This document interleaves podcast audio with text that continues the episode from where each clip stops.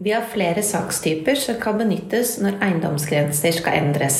Hvis du ønsker å utvide eiendommen med et større areal, kan arealoverføring være aktuelt. Det er et søknadspliktig tiltak etter plan- og bygningsloven, og det skal avholdes oppmålingsforretning etter matrikkelloven før det kan registreres og tinglyses. Mer om denne sakstypen vil du få svar på i denne episoden av Matrikkelpodden. Matrikkelpodden er en podkast fra Kartverket og nå er det november 2022.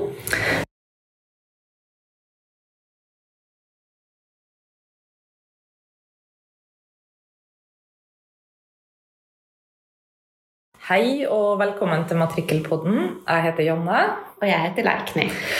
Før sommeren så hadde vi en podkast om grensejustering, som handler om overføring av små arealer og justering av eh, det som så enkelt kalles ulaglige grenser. Men det kan også være behov for å overføre større arealer. Og derfor så er i dag temaet vårt arealoverføring. Det er det. Og i dag skal vi også prate med en kollega fra Juridisk som skal gå mer inn på forhold rundt dokumentavgift og tinglysing. Først så skal vi ta for oss hovedprinsippene innen arealoverføring.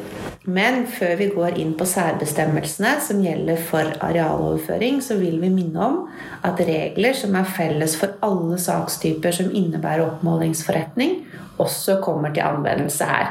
Og disse går vi ikke gjennom i denne episoden.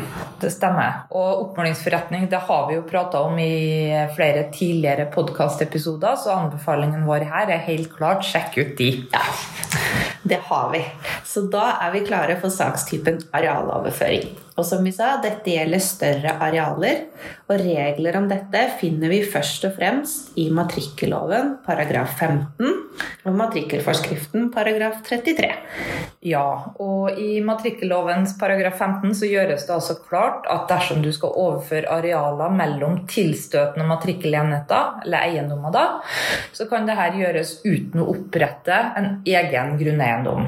Og fordelen med at det ikke trengs å opprette en egen grunneiendom grunneiendom. Først er jo at man slipper å tinglyse skjøtet og utføre en sammenslåing av eiendommene. Men arealoverføringa skal selvsagt registreres i matrikken, og kommunen skal sørge for tinglysning.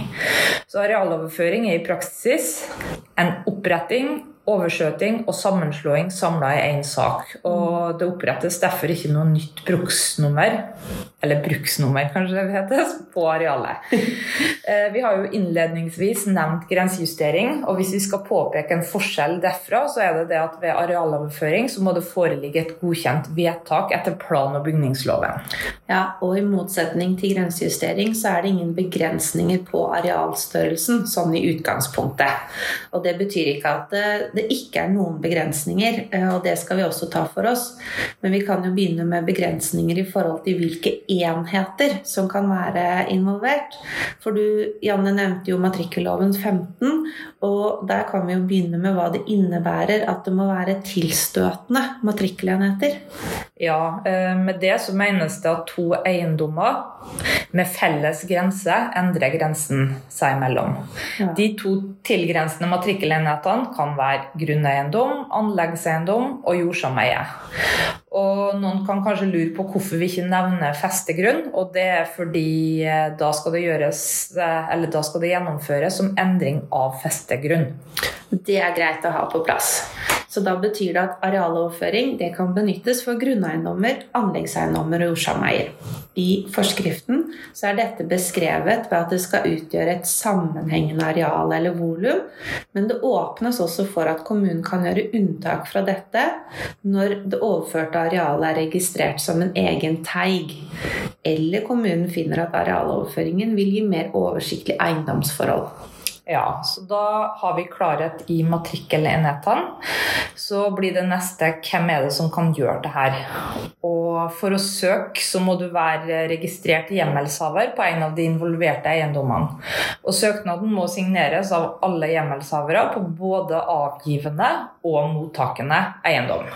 Det må de. Og i disse sakene så vil det gjerne være ulike hjemmelshavere. Hvis det er forskjellige eiere på hver sin side av grensen, så må skjema erklæring om arealoverføring fylles ut. Skjema fungerer som skjøte og sikrer at arealet overføres mellom eierne. Og på skjemaet så må det oppgis kjøpesum og antatt markedsverdi av arealet. Og tinglysningen de beregner dokumentavgift på 2,5% av markedsverdien. Eh, men dette med verdi og dokumentavgift, det kommer vi tilbake til. Eh, vi bør vel også nevne at det kan være samme eier. Og hvis mm. det er samme person som eier begge de involverte eiendommene, da er det ikke nødvendig å fylle ut eh, erklæring om arealoverføring. Nei, og i disse sakene så er det også viktig å huske på det du nevnte tidligere, Janne. Det er de, søk, de er søknadspliktige etter plan- og bygningsloven. Og det betyr at den eller de som søker, må sende inn søknad som kommunen skal behandle. Og det må gis en tillatelse for å kunne gå videre med gjennomføring av oppmålingsforretning. Og vi har fått tilbakemelding fra kommuner om at det er litt ulikt om dette skjemaerklæring om arealoverføring ligger ved når det søkes, eller om det sendes inn arealet endelig målt opp og beregnet. Ja, og En annen ting som også må gjøres før en godkjent eh, arealoverføring kan gjennomføres, det er å rydde opp i eventuelle pengeheftelser og urådigheter som berører eiendommen som skal avgi areal. Mm. Det og flere andre spørsmål som går mer ut på hva som skjer ved tinglysning, har vi fått med oss Ulrik til å svare på. Og da får vi ta en prat med han. Det får vi.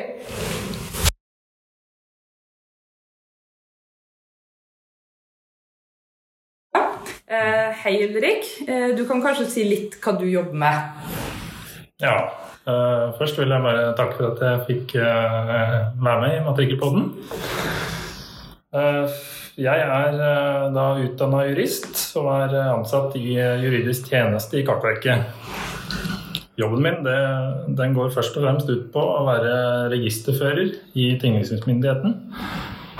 Og jeg er en av totalt tre fagledere i avdelingen som er gitt et særlig ansvar for, eh, for utvalgte fagområder som vi jobber med.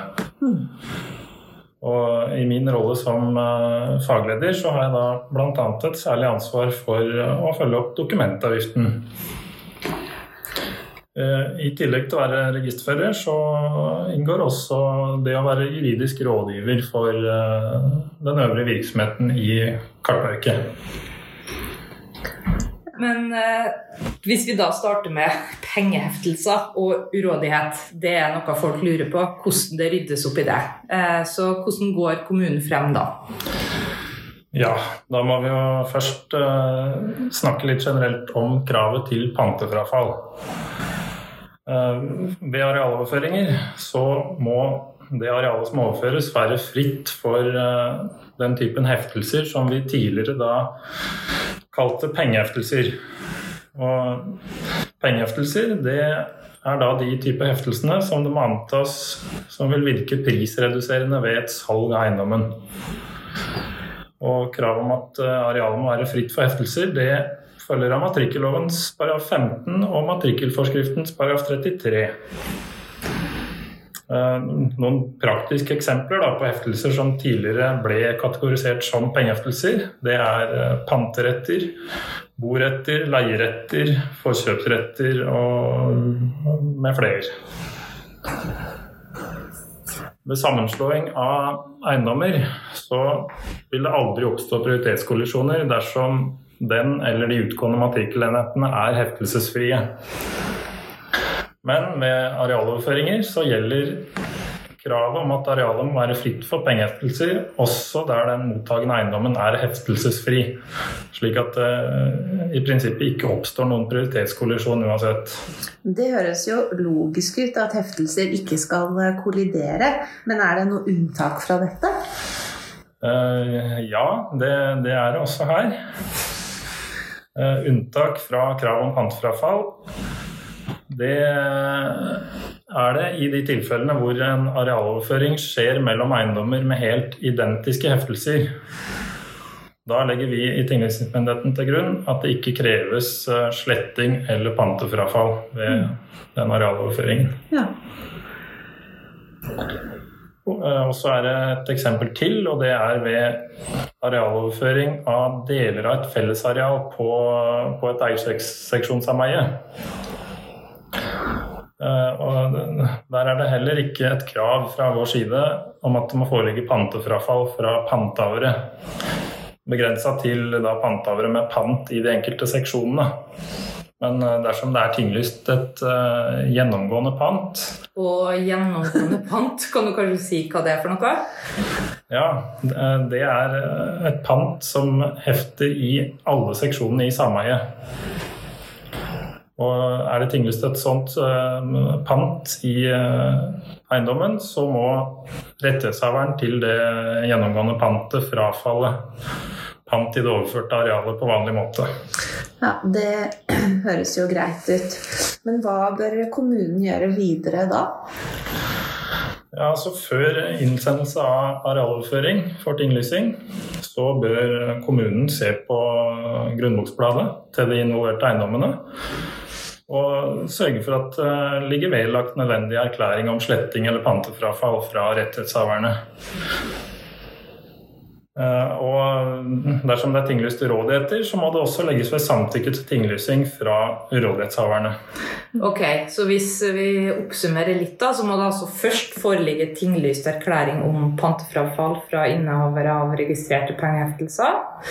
Deretter må det foreligge erklæring om samtykke fra innehaverne av registrerte urådigheter. Og til sist så skal ikke kommunen gjennomføre saken før alle pengeheftelser er ordna opp i. Hmm, da kan vi kanskje gå videre fra pengeheftelser til egenerklæringen. Vi har nemlig fått spørsmål om hvor nøyaktig arealet i egenerklæringen må være. Og vi har også fått spørsmål om det er greit at det står et cirka-areal, eller at det kan fylles ut når arealet er ferdig målt. Ja, altså I utgangspunktet så skal arealet i egenerklæringen være riktig. Mm. Og arealet bør så langt det lar seg gjøre, fylles ut når det er ferdig målt. Eh, dersom det er avvik, så, så må dette vurderes konkret i den enkelte saken. Men uh, for å være sikre på at arealoverføringen vil bli tinglyst, så bør arealet i erklæringen stemme overens med det oppmålte arealet. Mm. Ja, det var jo et greit svar. Ja.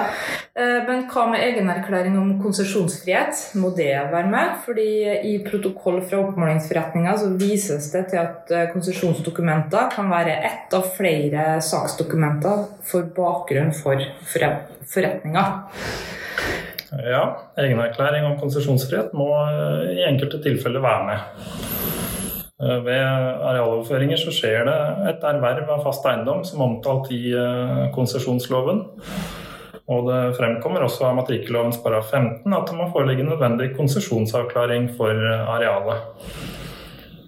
Og det er videre forutsatt i merknadene til paragraf 15 i lovforarbeidene til matrikkelloven at det må innhentes eh, delingstillatelse etter jordlova der dette er nødvendig.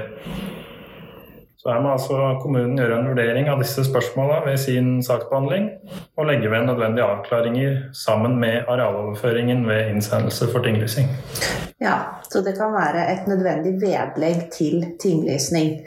Og um noe annet som tinglysningsmyndigheten tar stilling til, det er jo dokumentavgiften. Og der får vi også mange spørsmål. Og det gjelder dokumentavgift og beregningsgrunnlag. For de som selger, de kan jo si at arealet har en verdi som er null, eller at den er veldig lav. Eh, og noen kommuner tenker at de skal godta det, eh, men så kommer de i retur fra tinglysningen. Og da er jo spørsmålet om du har noen tips til kommunene om hva de kan gjøre når det gjelder det? Ja, da, vi kan jo starte med avgiftsplikten først, da. Mm. Og avgiftsplikten den utløses når det tinglyses et dokument som overfører hjemmel til fast eiendom. Og så lenge arealoverføringen involverer eiendommer med forskjellige hjemmelshavere, så vil det da skje en dokumentavgiftspliktig hjemmelsoverføring til det aktuelle arealet ved tinglysing av arealoverføringen.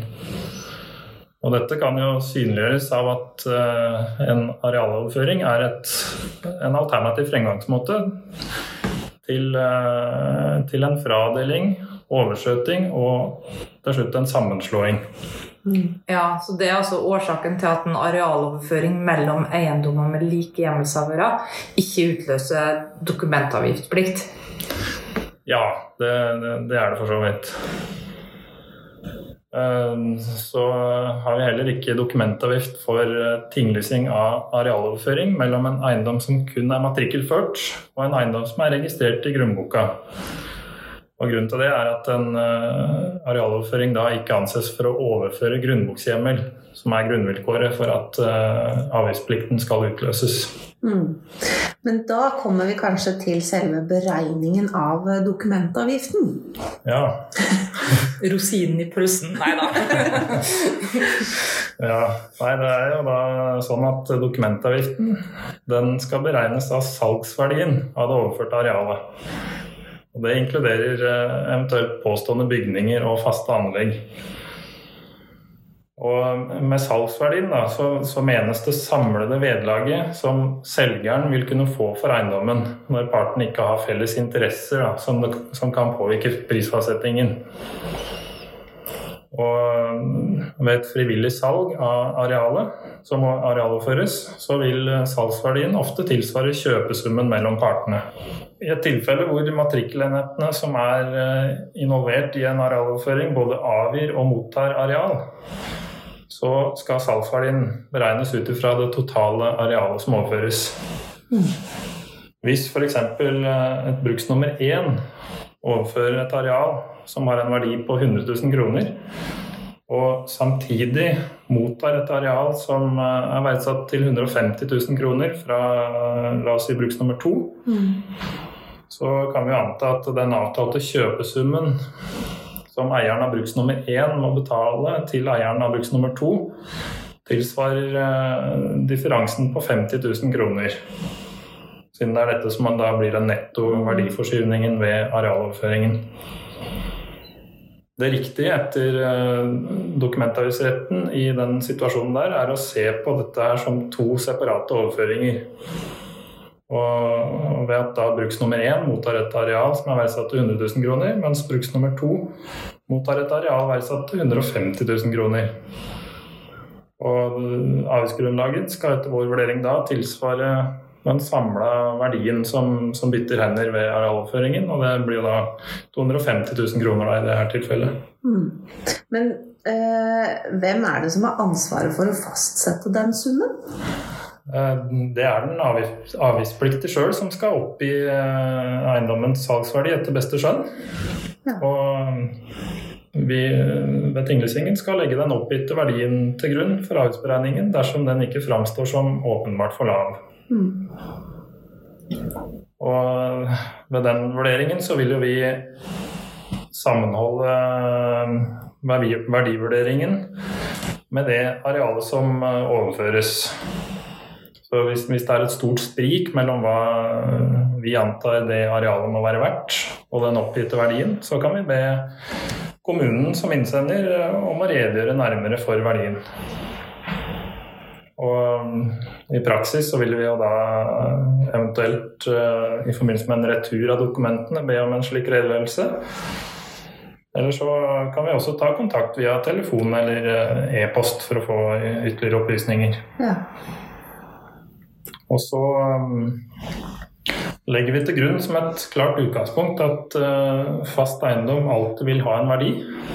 Og en oppgitt salgsverdi på null kroner vil jo dermed etter vårt syn i alle praktiske tilfeller være åpenbart for lav. Ja, Det er fint å få et klart svar på. Altså null, det setter vi ikke. ja, det er jeg enig i. Men da tror jeg nesten vi må runde av. Men jeg har et kort spørsmål til slutt. Og det er liksom hvor langt går tinglysninga i å sjekke erklæringa om arealoverføring? Ja, altså alle punktene i erklæringen er jo inntatt for en grunn. Og, og vi i tinglysinga vi kontrollerer i utgangspunktet alle opplysningene i erklæringa. Ja. Tusen takk, Ulrik.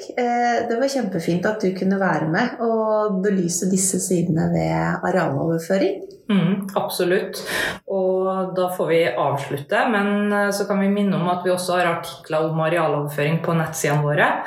Og vi anbefaler at de her leses hvis det er noe dere lurer på. Så med det så er det vel bare å si ha det. Ha det bra.